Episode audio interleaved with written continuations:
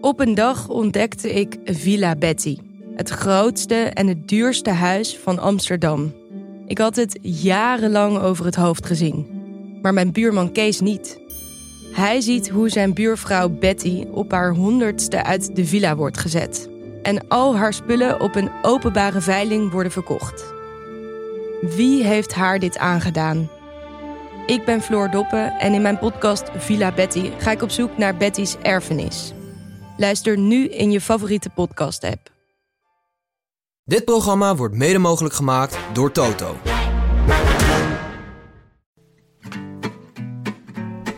Op onze reserves, maar vol goede moed, vanaf onze bank in Amsterdam-West... is dit de 19e etappe van de Rode Lantaarn, de dagelijkse Tour de France podcast van Het is Koers.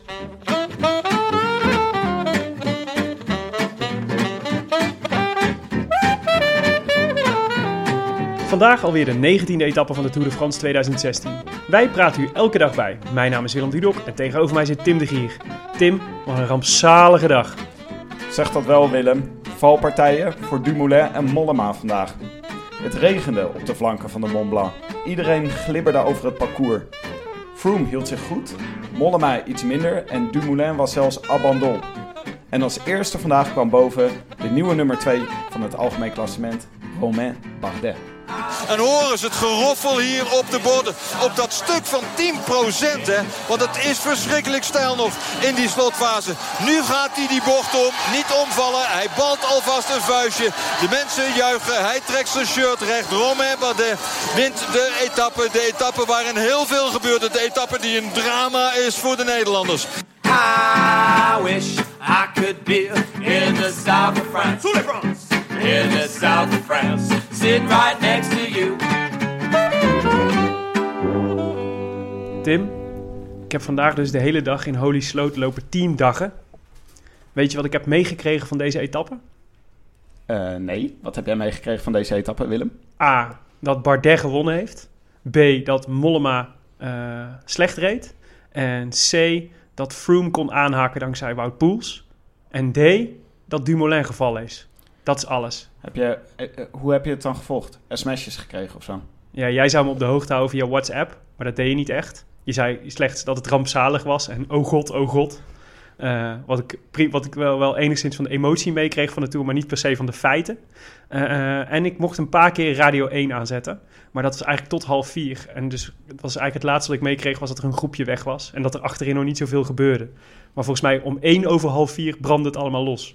Ja, maar ik was ook overvallen door emoties op die laatste klim. Er gebeurde echt zoveel tegelijk. Ik had helemaal geen tijd om jou te sms'en of whatsappen. Bovendien had je een uitstekende vervanger waar ik voor gezorgd had. Die naast je op de bank zat in onze, Amsterdam, in onze bank in Amsterdam-West. Namelijk Nienke de Jong. Nienke, wat leuk dat je er bent. Ja, wat gezellig om er te zijn. Eh, Nienke, even voor onze, voor onze luisteraars. Voor die mensen niet, die Nienke de Jong niet kennen. eh, De, de laatste paar. De, de drie, drie in West-Friesland. Eh, Nienke de Jong is eh, schrijver, journaliste, columniste, verdienstelijk amateur wielrenner, hoofdredacteur en oprichter van Pedala, het wielertijdschrift voor vrouwen. Wat ben je eigenlijk vooral? Ben je vooral journaliste of ben je vooral eh, schrijver? Journalist dan. Ik wilde altijd schrijver zijn en een hele mooie roman afleveren. En dat is tot op heden niet gelukt. En ik heb ook de hoop maar opgegeven. Dus ik ben eigenlijk liever journalist, want dat vind ik eigenlijk leuker. Nienke de Jong, journaliste. Ja, Je bent ook eh, nog niet zo lang moeder, hè? klopt. Mocht je wel weg van je dochter. Ik mocht, eh, mijn dochter heb ik niet om goedkeuring gevraagd. Eh, mijn vriend heb ik met vier flesjes afgekolfde melk in de koelkast achtergelaten. Ik heb hier zelfs op een, een, een, een saai moment in de etappe, want die hebben het toch ook al eventjes gehad. Nog even op de slaapkamer van Tim de Gier. Er zitten kolven. Weet je. Dus ik denk dat dit de eerste Je bent wielershow niet de eerste, is. kan ik je vertellen. Nee? Nee. Ben ik niet de eerste die in een wielershow heeft zitten kolven? Nou, niet op de slaapkamer van Tim de Gier. Maar ik weet niet of dat we hier verder over moeten, moeten uitweiden.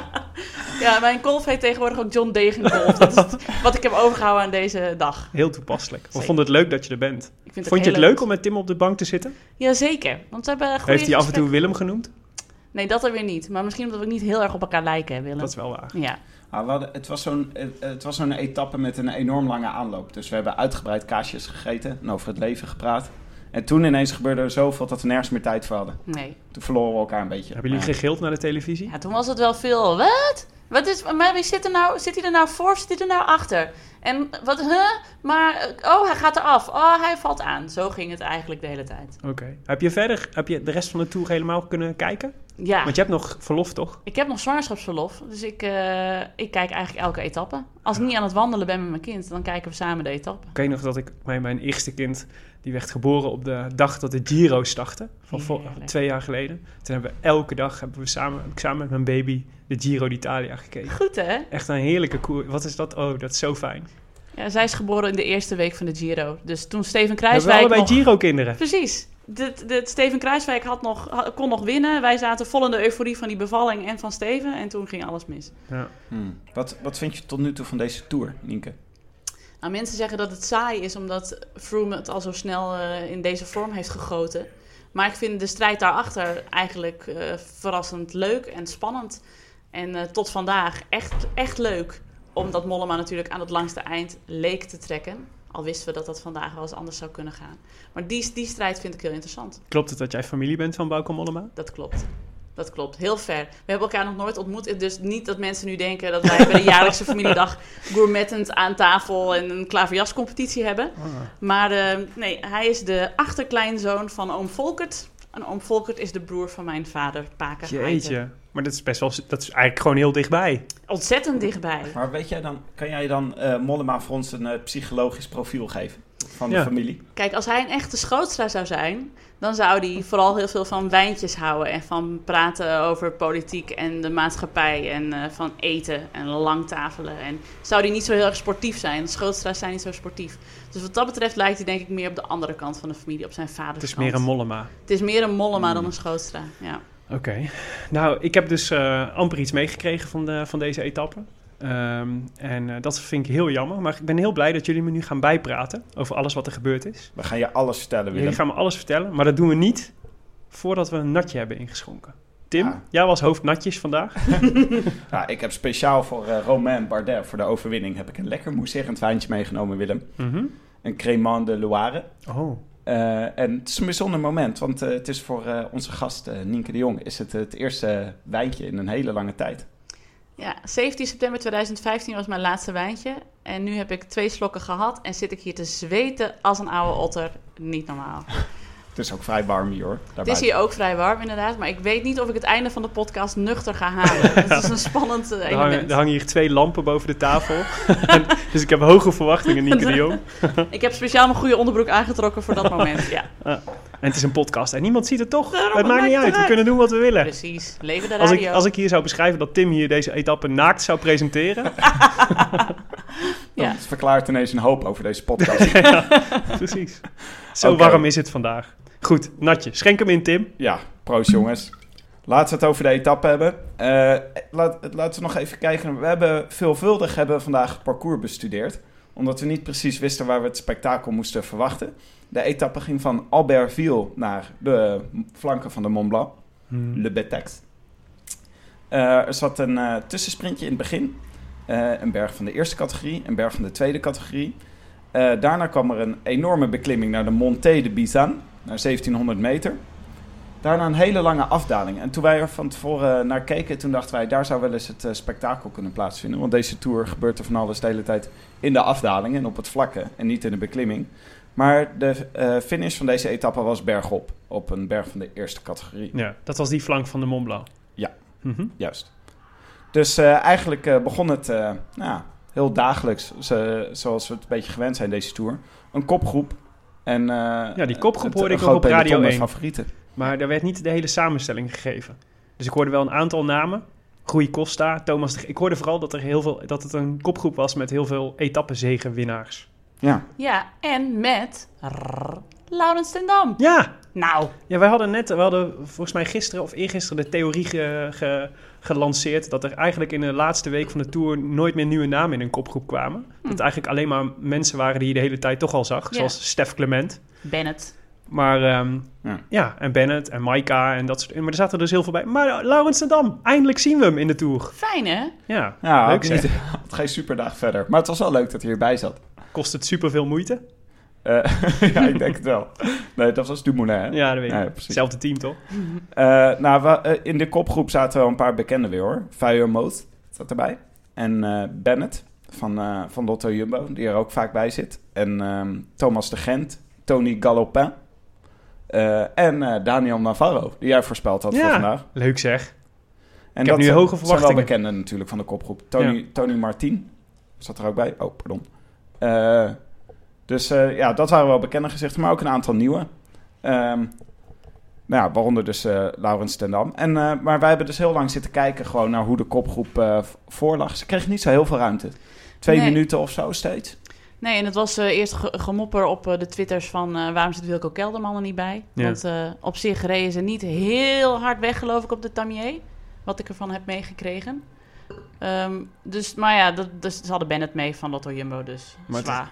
Je mag toch ook twee mensen meesturen, eventueel. Ja, precies. Het is niet zo dat iemand loodjes staat uit te Oh, nee, delen nee, bij de, aan al voet van de Tamier. Van, oh, jij bent al binnen? Nee, sorry. Het zou op zich wel passen bij de teaminstelling van Lotto Jumbo momenteel. Ja, precies, van we hebben er eentje. Dat is, wel, dat is Phew. eigenlijk wel goed We zo. hebben ons kostje weer gekocht, dames en heren. Ja, Nou, misschien dachten ze gewoon vandaag, dit is er meer eentje voor Bennett dan voor Kelderman. Die, gewoon, die lukt het gewoon niet om mee te komen. Maar Nee. wat is dan wel een etappe voor Kelderman? Nou, bijvoorbeeld de etappe van de afgelopen dinsdag was er echt eentje voor eh, Wilco Kelderman. Oké. dat was een rustig. pardon. Sorry. Eh, Oké, maar eh, het, was dus, het voltrok zich eh, Echt flauw, vrij Tim. normaal. Echt flauw. Zitten die een beetje vanaf zijn bank in Amsterdam-West een Ja. beetje veroordelend over Wilco Kelderman. Ja. Ik doe net zo Ik hard hoop mee. dat het goed komt met Wilco Kelderman. Tuurlijk Sorry, komt het Wilco. goed. Tuurlijk komt het goed. Maar een beetje beschimpen hoort er ook bij. En daar wordt hij sterk van, de jongen. Hij moet ook eh, met kritiek leren omgaan. Dat leren wij hem. Ja, hij zit nou op zijn eh, hotelkamer. Verdorie, die Tim de Gier, ik zal hem toch eens een keer krijgen. Rode Jong. lantaarn. Ik ga zo meteen iets heel naars twitteren. Oh nee, niet doen. Hou op. Tim de Gier al jaren uit vorm bij Vrij Nederland. Oeh, Oeh. mic drop, mic drop. Ook het beste op, eh, Het Wilco op feestdagen. maar eh, het onheil werd aangekondigd doordat er eh, regen aankwam. Het was hier bewolkt in eh, Amsterdam-West en het was in de Tour bewolkt. En eh, eh, er werd- op een gegeven moment zeiden ze, er zouden wel eens een paar druppels kunnen vallen. Maar het werd echt spekglad. Maar nog voordat de regen echt naar beneden viel... Maar zitten we nu nog bergop of zijn we nu al in die afdaling waar jullie het zo over Nou, hadden? nou, we zitten nu eigenlijk. eh, er gebeurde eigenlijk niet zoveel tot in de afdaling van de call van de buitencategorie, de Hmm. ene laatste call. Ja. En in de afdaling daarvan, daar begon eigenlijk het spektakel. Want nog voordat de eh, regen begon te vallen, lag ineens Dumoulin op de grond. En dat was, eh, dat was wel een schok, want er, was, er gebeurde eigenlijk niet zo heel erg veel. Hij zat gewoon in het peloton. Het was gewoon eh, een vrij vlakke weg. Er gebeurde niet heel veel. Ineens lagen hij en uh, Tekla Heimanot op de grond. Was het de schuld van Tekla Heimanot? Oh. Nee, Nee, dan speel je bepaalde mensen in de kaart. Nee, het was echt de schuld van Dumoulin waarschijnlijk zelf. Ik denk dat hij een achterwiel heeft aangetikt. Dat is wat wij nu Oh. weten. Ja, want het, hij reed tegen Tekla Heimanot aan. Dus hij, hij raakte een voorwiel voor hem. Toen gebeurde er iets heel raars, maakte hij een soort pirouette. En reed hij tegen Tekla Heimanot aan. En toen lagen ze ineens met z'n tweeën op de grond. En eh Dumoulin die Oh, stond... Wat een slecht moment. Ah, hij stond vrij makkelijk weer op. Dus wij dachten, er is misschien niet zo heel veel aan de hand. Hij greep wel meteen een beetje naar zijn pols. Dat was wel een beetje eng. En toen hoorden we al meteen dat hij abandon was. Nou ja, Allah, dat kan nog. We Dat snap hoorden. ik ook wel. Ja, Ja. dan. eh, Geen risico meer. Nee, precies. Maar toen, en toen hoorden we dat hij in de ambulance was afgevoerd. Nou ja, dat kan ook nog, want ja, dan ben je in ieder geval iets sneller de koers uit. Maar ehm, Dat je niet moet terugfietsen naar de finish. Ja, precies. Om je, om je spullen nog op te halen bij je moeder. Ja. maar, eh, eh, ja, iemand moet het doen, Tom. precies. Ik ga niet voor jou rijden. Hallo. Jij zou de shirtjes vanavond ook wassen en eh, dat doe je ook nog maar. Nee, dus, eh, maar toen we hoorden dat hij huilend de ambulance was ingestapt. Toen gingen we ons een beetje zorgen maken. Ja. Daar heb ik geen beelden van gezien hoor, van dat huilend. Wordt maar gewoon te pas en te onpas gestrooid met dat Tom Dumoulin aan het huilen was. Maar ik heb het niet gezien. Nee, maar ik, dus de, de medische update is toch dat hij een eh, scheurtje in zijn pols heeft. Maar is, eh, is Rio in gevaar? Ik denk dat Rio eh, wel in gevaar is. Wat denk jij, Tim? Hij heeft twee, het is Uit 10 een- augustus, dus hij heeft twee weken. Is niet veel. Nee. Hij heeft een, eh, een, eh, een scheurtje, heeft hij waarschijnlijk. Ja. Eh, in zijn arm. In, is het nou in zijn pols of in zijn elleboog? Dat is volgens mij ook nog niet helemaal duidelijk. Ik dacht, dat is een pols. Hmm. Maar jij zei ook dat, eh Nienke, jij zei ook dat een, eh, een kneuzing, dat dat vaak erger is dan een breuk. Dat kan, want dan denk je inderdaad van, oh, het is niet gebroken, viel. Maar die zwellingen, dat kan veel langer pijnlijk zijn dan een breuk. Ik, eh, Maar mo- moet je dan juichen bij een breuk? Of is een, is een breuk Het dat, dat is natuurlijk beter al- Het niet. is natuurlijk allebei vrij kloten. Ik zou niet per se hebben- juichen bij een. Tim. Nee. Nee, we, we, we hebben echt raar. twee weken. En kijk, ik bedoel, voor Rio, hij kan niet zeg maar zeggen van nou, op 70% red ik het ook wel. Hij moet gewoon in Rio moet Ja. alles kloppen. En nu weet je al dat waarschijnlijk niet alles gaat kloppen. Ik vond het wel mooi om te zien Met dat een het Froome in topvorm ook. Ja, oh. Moet er niet aan denken. Nou ja, en Dumoulin was in topvorm. Hè? Dat is dus ook. En het was wel eh, leuk om te zien dat er een schokgolf door het peloton ging. Omdat Tom Dumoulin af, eh, was afgevallen. Want dat is dus wel nu een van de grote, grote namen uit Grote meneren, ja. Ja. Dus dat, eh, dat vervulde me wel weer met trots. Hoe zag Dat je was- die schokgolf dan? Eh, Ik zag mensen zo, Een hand voor een mond. En dat veroorzaakte ook weer valpartij. handen Nou. aan het stuur, dames en heren, handen aan het stuur. nee, nee, ik baseer eigenlijk de schokgolf vooral op wat er eh, door renners en eh, journalisten over getwitterd werd. Ah, oké. Ja. Ja. Ehm, maar het was wel, ik vond het wel een raar moment dat het had echt niet hoeven eh, gebeuren. Het was echt gewoon een ongelukje zo- zoals eh, van je keukentrapje afvallen. Dus dat is wel echt zonde. Hm. Maar het was pas het begin, want het regende valpartijen daarna. Het begon, volgens mij kwam het doordat het begon te regenen en dat het heel erg glad werd op de eh, beschildering van de weg, op de witte strepen. Ah, oké. Niet de, zeg maar, de namen die de mensen hadden erop hadden geschreven. Nee. Dat zou lullig zijn. Nee, die zijn volgens mij, dat is, dat is krijt. En die witte strepen die liggen er echt zo bovenop. Dus daar, die zijn heel erg, eh, heel erg glad wegdek. Maar we zagen valpartijen. Hm. Eh, op een gegeven moment lag Sebastian Reichenbach lag op de grond. met zijn teamgenoot. En ehm, we zagen Port, die moest terugkomen. Het was op het moment dat wij de tv uitzetten nog niet helemaal duidelijk of Port bij de valpartij was of materiaalpech had. Maar er werd gezegd een valpartij. En toen, eh, nou, het belangrijkste eigenlijk, ehm, Mollema en Froome eh, lagen toen ineens vlak achter elkaar eh, op de grond. Maar vielen ze hard? Nou, dat Zag weten we niet. Zag- zagen we het in Froome- beeld? Froome zagen we in beeld. Ja, Hm. en bij Froome zag je vooral dat hij heel erg goed geleerd, goed geleerd heeft van mijn eh, judo-leraar uit 3 Atheneum. Dat je altijd ontspannen moet vallen, want anders breek je nog meer. En altijd Dus draaien, Al- doordraaien. altijd doorrollen, inderdaad. Precies wat eh Contador eh, dus ook eh, gedaan had. Precies, Ja. en dat scheelt echt. Want je zag hem als een soort van lappenpop van zijn, van zijn fiets afvallen. Dit is waarom ook dronken mensen niet vaak breuken oplopen. Omdat Klopt. ze altijd ontspannen zijn. Mag ik nog een drankje? Talking of which, ik moet nog een stukje fietsen ja, precies. Maar van Mollema hebben we eigenlijk geen beelden gezien dat hij is gevallen. Dus dat weten we niet hoe hard dat is geweest. Oké. Hij had er nog wel twee ploegmaats bij zich. viel hij samen met Froome? Nee. Oh, Nee. dit was, eh, waren, oh jeetje, wat een Ik zal het spektakel. even voor je beschrijven, Willem. Aangezien je het gemist hebt. Ja. Froome die viel in een bocht. En dat was een heel raar gezicht, want die gleed dus op de zijkant. Ja. En vanaf de rechterkant van het scherm kwam er ook een Astana-renner zonder fiets het beeld ingeschoven. dat was, zag er heel raar uit. Oké. En Froome die stond op en die kreeg gelijk de fiets van... Van- Thomas. Oh, Geraint Thomas, ja. Gemiste kans voor Henao. Gemiste, ja, precies. Het is natuurlijk altijd mooi om je, om je fiets te mogen afstaan. hè? Zo is het. Maar Froome die reed daarna op een totaal rare manier reed die, eh, er weer achteraan. Het zag er heel erg wankelig uit. Maar Geraint Thomas is maar een paar centimeter kleiner dan eh Froome. Ja, Dus waar, ik Het hoorde zou een dus... goede fiets kunnen zijn. Waar het misschien mee te maken kan hebben, is dat eh Froome een ovale blad heeft en Thomas een rond blad.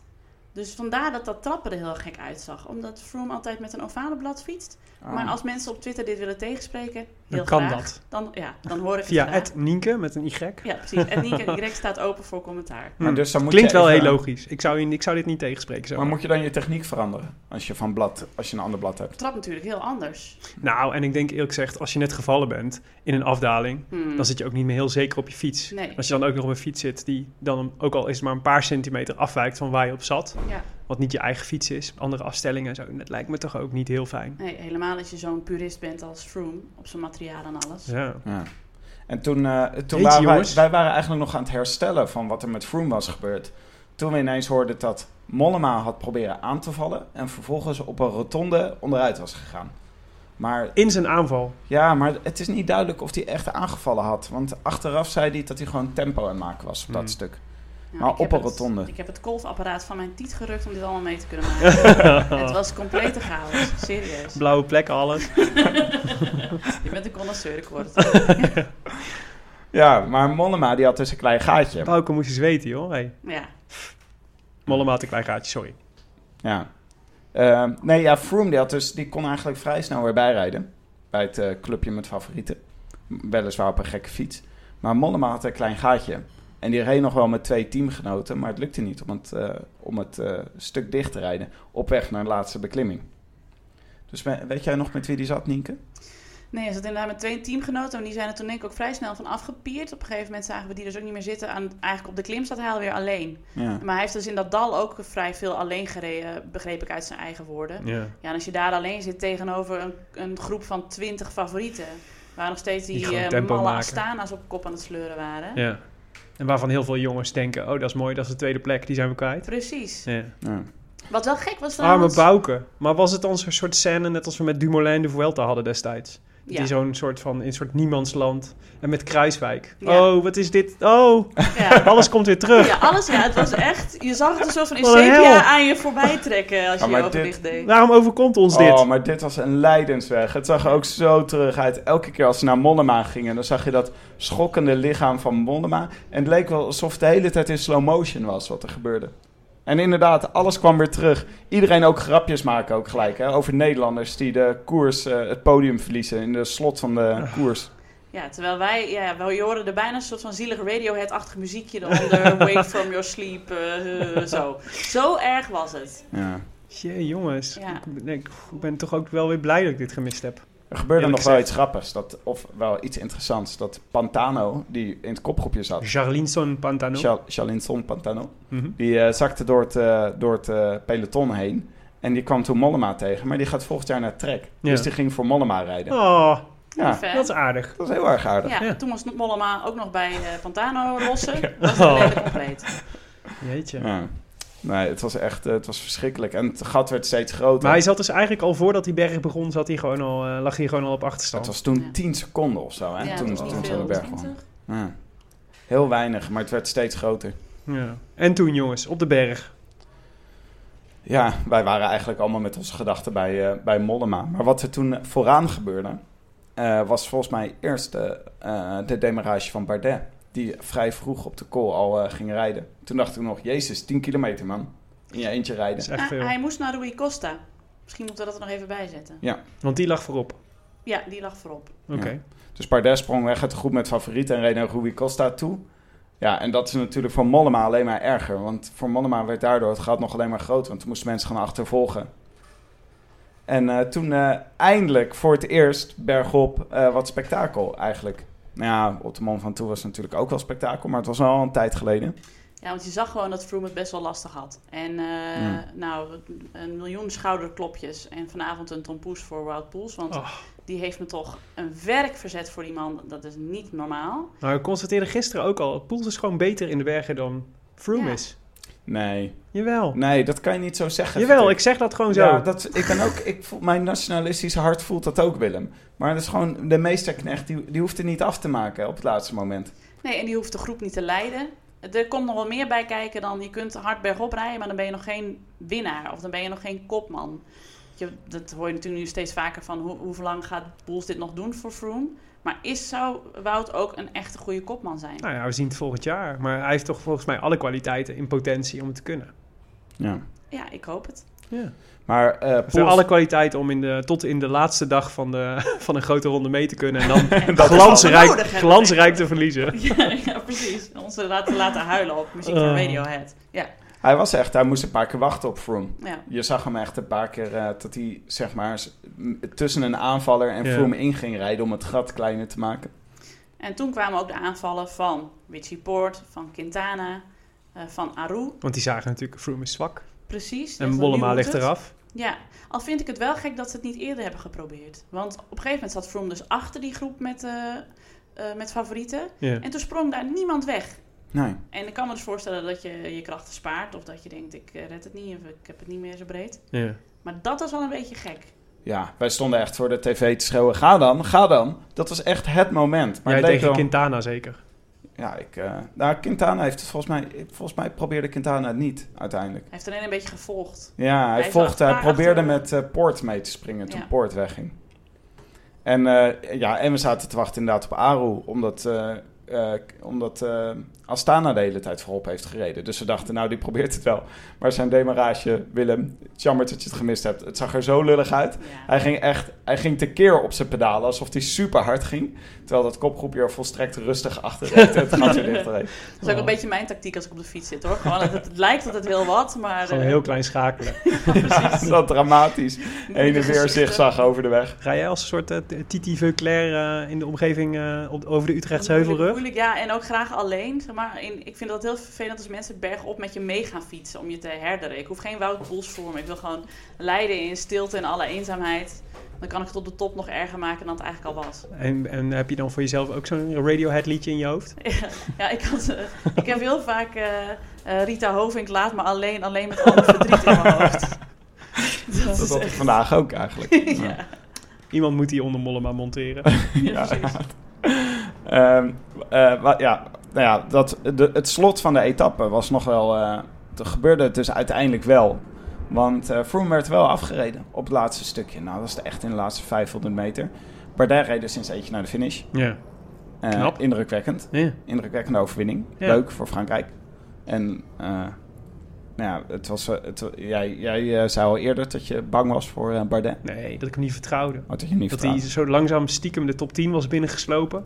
En dat ik nog wel iets van hem verwachtte. Dat hij steeds beter werd.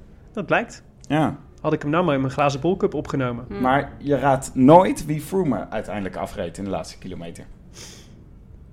Toch niet... eh, toch niet Wout Poels. nou ja, nou ja, ja, dus valt ook nog wel wat voor te zeggen. Maar het was uiteindelijk Joachim Rodriguez. Oh, echt? Ja. Oké. Die reed weg en dan ging Valverde er natuurlijk weer achteraan, omdat Valverde Rodriguez haat. Ja. Ja. Dus, eh, en, eh, en Quintana sloot daarbij aan. En toen was er een klein gaatje van 12 seconden, Willem. Wow. Het is dus eindelijk gelukt om Froome te lossen. En wat het ons oplevert is 12 seconden. Maar zou dit nou betekenen dat, hij, dat Froome echt in het probleem is, omdat hij gevallen is, omdat hij pijn heeft? En morgen komt gewoon nog een zware Alpe-etappe. Mhm. Ja, ik denk dat het, we moeten het psychologische effect van deze 12 seconden ook niet onderschatten. Ik bedoel, Froome is, hij is, te, hij is te breken. Hij zal deze Tour denk ik niet meer verliezen. Maar hij is wel te breken. Het is wel een mens. Ja. En dat is toch ook fijn om even te zien. Maar hij staat, dat is de hele Tour toch eigenlijk al de conclusie... dat hij er niet zo ver bovenuit steekt Nee. als, hij, eh, als hij andere jaren heeft gedaan. Ja, En, en, en dat het verschil tussen wat daaronder komt gewoon ook helemaal niet zo klein is. Maar dat het voornaamste verschil is dat hij iets sterker is... maar dat hij vooral toch gewoon de sterkste ploeg heeft. ja. En dan met de sterkste ploeg bedoel ik eigenlijk Pools. Ja, nou ja, en Henao natuurlijk. eh. Ja. ja, ik vind het ook, eh, je ziet deze Tour dat het gewoon... het gaat inderdaad om het geld in je ploeg en om de, de technologische voordelen die die grote ploegen, die grote sterke ploegen hebben Ja. op, eh, op, de, op de andere kleinere ploegen. Ja. Maar het was vandaag, was het niet... We dachten ook nog een tijdje van Mollema. Je baalt dan zo tot Mollema in zijn eentje zit. Als je hem dan zo ziet rijden. Maar het, lag ook niet, het had ook niet met zijn ploeg te maken hoor. Als eh, Mollema nu negen skies bij zich had gehad... Of acht skies. Dan had dat denk ik ook niet geholpen vandaag. Het is Ja. toch uiteindelijk... Het is een soort samenwerking. Je moet, zelf, je moet echt heel duidelijk één sterkste renner hebben... en acht knechten die je overal kunnen bijstaan. ja. Maar hier was de ploeg... eh, het is er ook wel een beetje af en toe mentaal. Dat je, los, los van, volgens mij las ik dat hij eh, op het punt van dat het de laatste berg begon, nog maar eh 10 seconden achter, eh, achter het groepje zat. Dat was natuurlijk, als hij een knecht bij zich had gehad, had hij dat dicht kunnen rijden. Dan had hij natuurlijk niet bovenaan eh, in één keer eerste gestaan. Maar dat had denk ik wel de, het, het verschil gemaakt. Of je in het groepje begint aan een klim of, eh of Ja. 10 seconden erachter al meteen. En, en het is denk ik ook mentaal wel dat het heel erg helpt dat je gewoon een paar man hebt die, eh, die een beetje oppeppen en, eh, en af en toe naar je eh, en je af en toe op een slecht moment er even doorheen kunnen slepen en een bidonnetje kunnen halen Ja. weet ik veel wat. Zoals Geraint Thomas vandaag bij Froome. Die echt direct een fiets kon geven en een schouderklopje. En Froome die dan de hele tijd bij hem blijft. Ja. Zo inderdaad soort... eh, ja, Het helpt wel, toch? Ja, ik bedoel, je ziet als Froome dat niet heeft, dan gaat hij dus rennen. Ja. Ja. Nee, en het is ook wel een beetje de gemene deler van de drie, eh, de drie grote nederlagen van de, van de Nederlanders in de grote rondes. Mhm. Dus dat ze op een, ge- op, op een bepaald moment heel lang, het heel lang redden om het in een eentje op te knappen, maar op een gegeven moment gewoon geïsoleerd komen te zitten. Ja. Ja. En, en, en dan tegen overmacht aan, eh, aan, eh, aan anderen die wel een team bij zich hebben. Of die wel met z'n, in ieder geval minimaal met z'n tweeën zijn moeten rijden. Nee, dat is waar. En Ja. dat had Froome had dat dus vandaag niet. Het is geen moment geïsoleerd komen te zitten. En als hij geïsoleerd had gezeten, dan had het misschien heel anders kunnen lopen. Het behoudendste tijdrit heb ik Froome nog niet zonder omringd door, eh, door Skyrunners eh, omhoog zien rijden. Ja. Alleen zien rennen. ja. We hebben een eh, nieuw algemeen klassement. Ja, jeetje. Ik zie, het, ik zie het hier staan in ons documentje wat we gebruiken. Mollema staat, op, staat tiende. 7,42. Hij heeft dus dik 3,5 minuut verloren. Jij whatsappte mij dat hij twee minuten verloren had. Maar dit is gewoon... Dit Ja, is, dat was om drie uur vanmiddag, Willem. Dat was net na de lunch. het is Toen moest drama. Rita Hovink nog beginnen. Dat is het. Holy shit. Ja, Ja, ja het is echt, echt, echt heel Tiende plek. We zeiden gisteren, het, gaat, het, het zou zomaar kunnen dat de nummers 2 tot en met 6 morgen door elkaar gehusseld worden. Nou, dat is gelukt. Ja. oh, een Bouke. Ja, dit is echt een dramatische... drama- Hij zei zelf, zei hij achteraf, ik heb het verneukt. Ja, toen twitterde ik, als Bauke Mollema verneukt zegt, dan was Ja. het echt, echt, echt heel slecht. Ja, maar zeggen- het, het is toch niet zijn schuld geweest, dit? Hoezo? Wat, is er nou, wat heeft hij nou zo verneukt? Ik bedoel, dit kan gewoon... Dit, Nou ja, hij heeft risico Nou, genomen. Ja, hij heeft risico genomen. Dat vinden we natuurlijk mooi, een aanvallende renner. En eh, ik denk dat hij nu, nu denkt van, had ik maar niet... Was, had ik maar gewoon het wiel van Vroom gehouden. Ja. Had ik maar mijn koest gehouden. Waarom moest mijn oog weer groter zijn dan mijn maag? Zoals Ja. mijn moeder altijd zegt wanneer ik te veel op. dus ja, dus ik denk dat zich dat nu verwijt. Maar wat ik ook alweer knap vond, was dat hij het wel meteen bij zichzelf legde. eh, Ja. Ja. De schuld.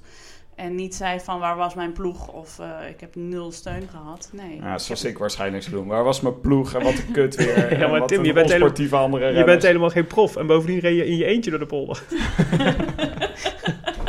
het was helemaal geen wedstrijd. Dat je Marijn Zeeman gaat opbellen. van, Waar was jij? Toch haat ik iedereen. Dat is die volgwagen. Ja.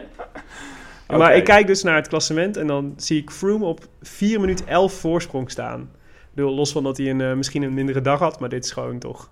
Ja. Wie, wie gaat morgen 4 minuten 11 dichtrijden? Niemand. Nee. Nee. Er is volgens mij nog nooit 4 minuten 11 op een gele trui dichtgereden. Sinds. 1931. Ja, precies. Leuke vraag voor de mensen thuis. Ja. Is er ooit zoveel tijd? In één dag dichtgereden op de gele trui. Zonder dat een gele trui viel of abandon raakte of wat dan ook. Over de etappe Ja. van morgen gesproken. Ik moet hier zeggen, zal ik jullie nog even bijschenken. Ga maar even bijschenken. En Nienke ook. Ze verdient het. Proost jongens. Nog even over eh, de voorspellingen die we vandaag hadden gedaan. Ja, ik was, eh, dus ik was de, de, de laatste update die ik krijg was, ik kreeg dus, dus Daniel Navarro in de kopgroep. Ja, Hoe is het met Daniel Navarro afgelopen? Leuk je het vragen. goed gegaan. ik begrijp dat hij niet gewonnen heeft. Nee, maar Eh. wel aan dat jullie hem extra in de gaten hebben gehouden. Eh, Daniel Navarro lag op een gegeven moment ook tegen het asfalt. Greep naar zijn onderbeen. En wat gebeurde er toen, Tim de Gier? Amandel. Nee. Daniel Navarro. Jammer Jongens, Willem. Had hij anders gewonnen, denken jullie? Ongetwijfeld. Ongetwijfeld zeker. Hij zat zo fris op zijn fiets. Domme pech geeft mij eh, van de ritzegen. Het lag niet aan hem. Nee. Het lag aan de, aan de ploeg en aan het weer en aan andere rijders. Ik, eh, ik vind dat Bauke Mollema het verneukt heeft. Ja. Voor Navarro. Ik Ik vind had, het allemaal de schuld van Erdogan. Nee. ik had eh, Nairo Quintana voorspeld. Ja, Nou. dat was, eh, ja, nou, die was weer glad rijk vierde of zoiets. derde. Derde. Nee, nee, sorry. Vijfde. Ja. Vijfde. Oké, wie had jij eigenlijk voor deze... Doe jij wel eens mee aan de glazen bol cup? nee, ik doe eigenlijk nooit mee aan de glazen bolcup. Ik ben een onbevangen kijker en ik hoop dat iedereen wint. Oké. Oh, Voor mij is iedereen mooi. een winnaar. Ja. Gisteren had je toevallig ook, op Bardet. Natuurlijk. Ja. Er was- Wel geen winnaar, zag ik in de, in de, in de twitters. Nou ja, we hebben wel iemand, er was wel iemand die alle 200 eh, renners uit het peloton vandaag getweet heeft. Op de hashtag Glazen Bol Cup en hashtag Lantaarn. Waaronder alle uitvallers ook. Weten we wie dit is? Ja, ik, eh, ik wil hem niet hier publiekelijk aan de schandpaal nagelen, maar hij heet Arnoud Arends. En je kan hem op Twitter vinden op Arnoud Arends en hem dan boze berichtjes sturen. Als je Arnoud Arend, ik eh, bewonder je doorzettingsvermogen en ik maak me ook een klein beetje zorgen om je. Als je zo graag een paar sokken wil, dan kan ik je die ook gewoon opsturen. Het is wel waar. Eh, morgen is eh, de laatste gewone etappe. De laatste bergen, de laatste Alpen, Ah, so sad. Laatste weekend. Wat een weemoed voel ik al. Ja, Het maar- kan ook de wijn zijn. Nou, bedenk, maar bedenk nou, we gingen van Giro in Roland Garros, in eh, voetbal, EK, Tour. Ja. En nu moeten we wachten op Rio. Ja, twee weken. Dat worden echt lege twee weken. ja, in godsnaam. Bijslapen misschien. Hebben, Maar morgen gaan we dus nog van, eh van Megève naar Morzine. Maar dus geen finish bergop meer. Het is bij finish bergaf. ja, Ik maar snap niks van bergritten die, eh, die in een dal eindigen. Nou, we hebben net wel even gekeken naar eh, de laatste keer dat deze rit zo ongeveer verreden werd. Mhm. De eh Jouplan. Dat was eh, een van de weinige keren dat de Armstrong echt er knetterhard vanaf is gereden. Zagen wij. In de Tour van 2000 met Oké. Virank en Ulrich die bij Armstrong wegreden. Ja, want we rijden dus morgen een rit van 146,5 kilometer. En als ik even goed kijk, dan hebben we een tweede categorie. Een eerste categorie, de Colombière. Dat is natuurlijk een legendarische naam. Een eerste categorie en dan een ooit categorie, dat is de Jouplan. Maar na de Jouplan gaan we ook nog de afdaling van de Jouplan doen. Ja. Hm. Maar dat is, dat is altijd eigenlijk bij de Jouplan. Dat er altijd de afdaling achteraan komt. Ja, naar Morzine. En dat is een hele, een, eh, hele heftige afdaling. Dus daar kan weer een feestje worden gevierd met eh dus ik moet weer op. Nibali gokken. Ja. Nou, dat zou best een... eh, Nou, dat doe ik dan bij deze. Nibali, hij moet toch een keer een rit winnen met een afdaling, zou je zeggen. Hm. Tenzij jullie zeggen dat hij vandaag gevallen is en abandon is. Daar sta ik een beetje voor lul. Is Nibali vandaag gevallen en abandon, je Nee, morgen. zeker niet. Dus eh, je, je doet nog steeds mee voor een paar sokken of een petje of wat heeft Thijs Zonneveld nou weer zijn Nee, maar wij hebben ook, we hebben Lucien, het boek over de laatste Belgische toerwinnaar. Wat leuk! Als je er hashtag Rode Lantaarn achter zet, achter je hashtag Glazen Bol Cup, we hebben stiekem de hashtag, hashtag gewoon gekaapt, Heel goed. dan win je dus het boek Lucien.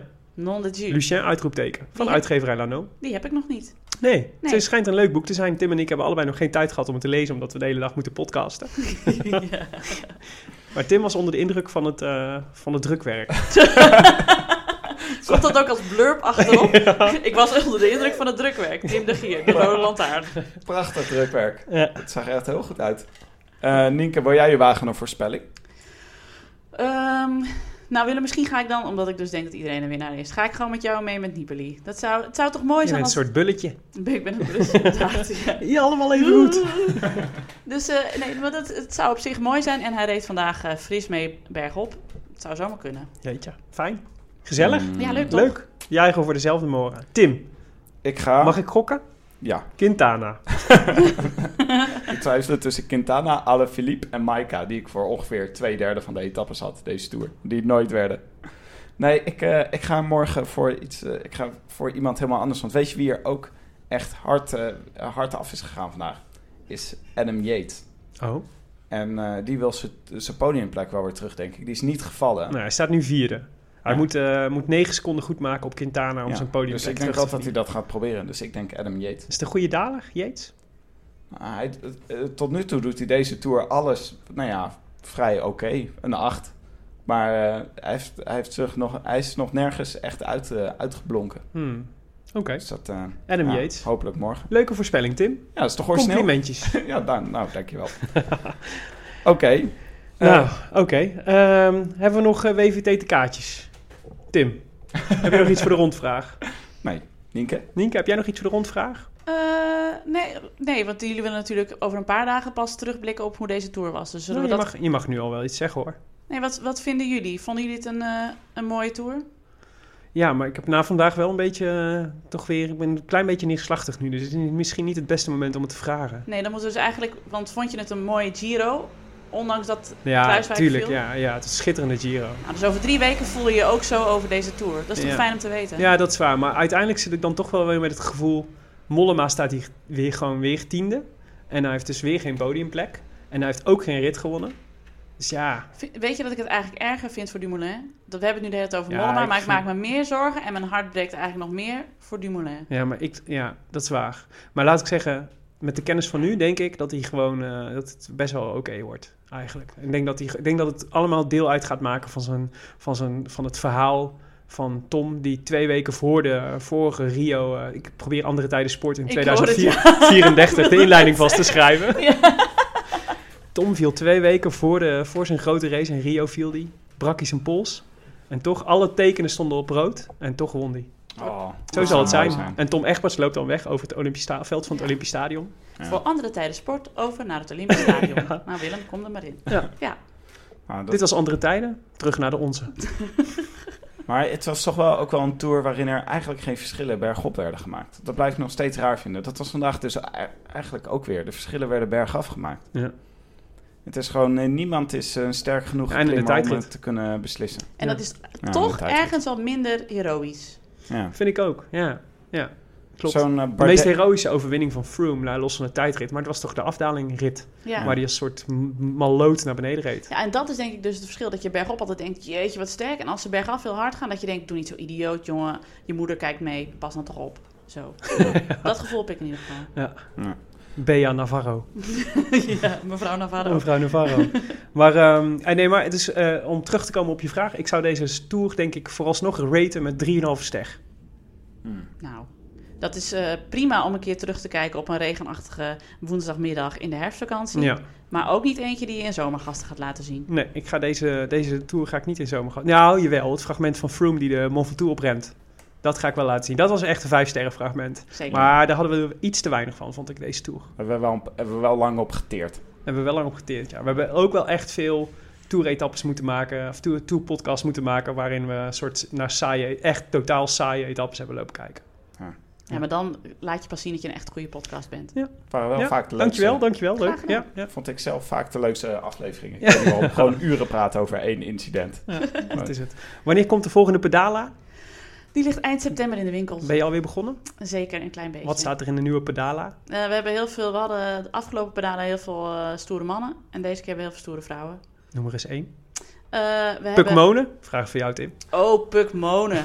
Nee, die hebben we nog Willem. niet in. Maar die moet Tim misschien, volgt de, Puk Monen op Instagram. misschien moet hij in de pedalo. Misschien dat hij daar meer... eh, Het is toch een wielertijdschrift voor vrouwen? Ja, zeker. Maar wij hebben bijvoorbeeld een, eh, een hele coole eh fietscourierster uit Maastricht, als ik het goed heb. Met allemaal tatoeages en ja, gave Zo. vrouwen op de fiets. Oké. Oké Willem, we moeten hem nu echt afsluiten. Morgen zijn we er immers weer. Morgen zijn we er weer, ja, met, eh, met etappe 20. Want dit was etappe 19 van de Rode Lantaarn. Gepresenteerd en geproduceerd door Willem Dudok en Tim de Gier. Met als speciale gast Nienke de Jong. Ja, ja. Met speciale dank aan hetskoers.nl, de wielerblog van Nederland en Vlaanderen. En dank aan Johnny Wonder Communicatiebureau voor het digitale tijdperk voor de ondersteuning. Wil je reageren op deze uitzending? Via Twitter zijn we te bereiken. Via Willem en Tim de Gier. En als je het nou leuk vond wat je hoorde, help ons dan. Laat bijvoorbeeld een recensie achter op iTunes. Dat helpt enorm bij het vinden van nieuwe luisteraars van de podcast. En dat vinden we leuk. Nienke de Jong, stel je moest een recensie schrijven op iTunes over deze podcast. Wat zou je dan schrijven? Ik zou zeggen, het is de fijnste manier om nog even na te praten over de. Mooi. Echt mooi. Dankjewel. Morgen zijn we er weer met het allerlaatste vuurwerk voor de Champs-Élysées. Nee, het ene na allerlaatste vuurwerk. Ja. ik weet niet wat het Nederlands is, maar ik ben ook al een beetje dronken. Dus het maakt niet uit. Oké. Jongens, à biento. Morgen. À. I wish I could be in the south of France. France. In the south of France. Right next to you.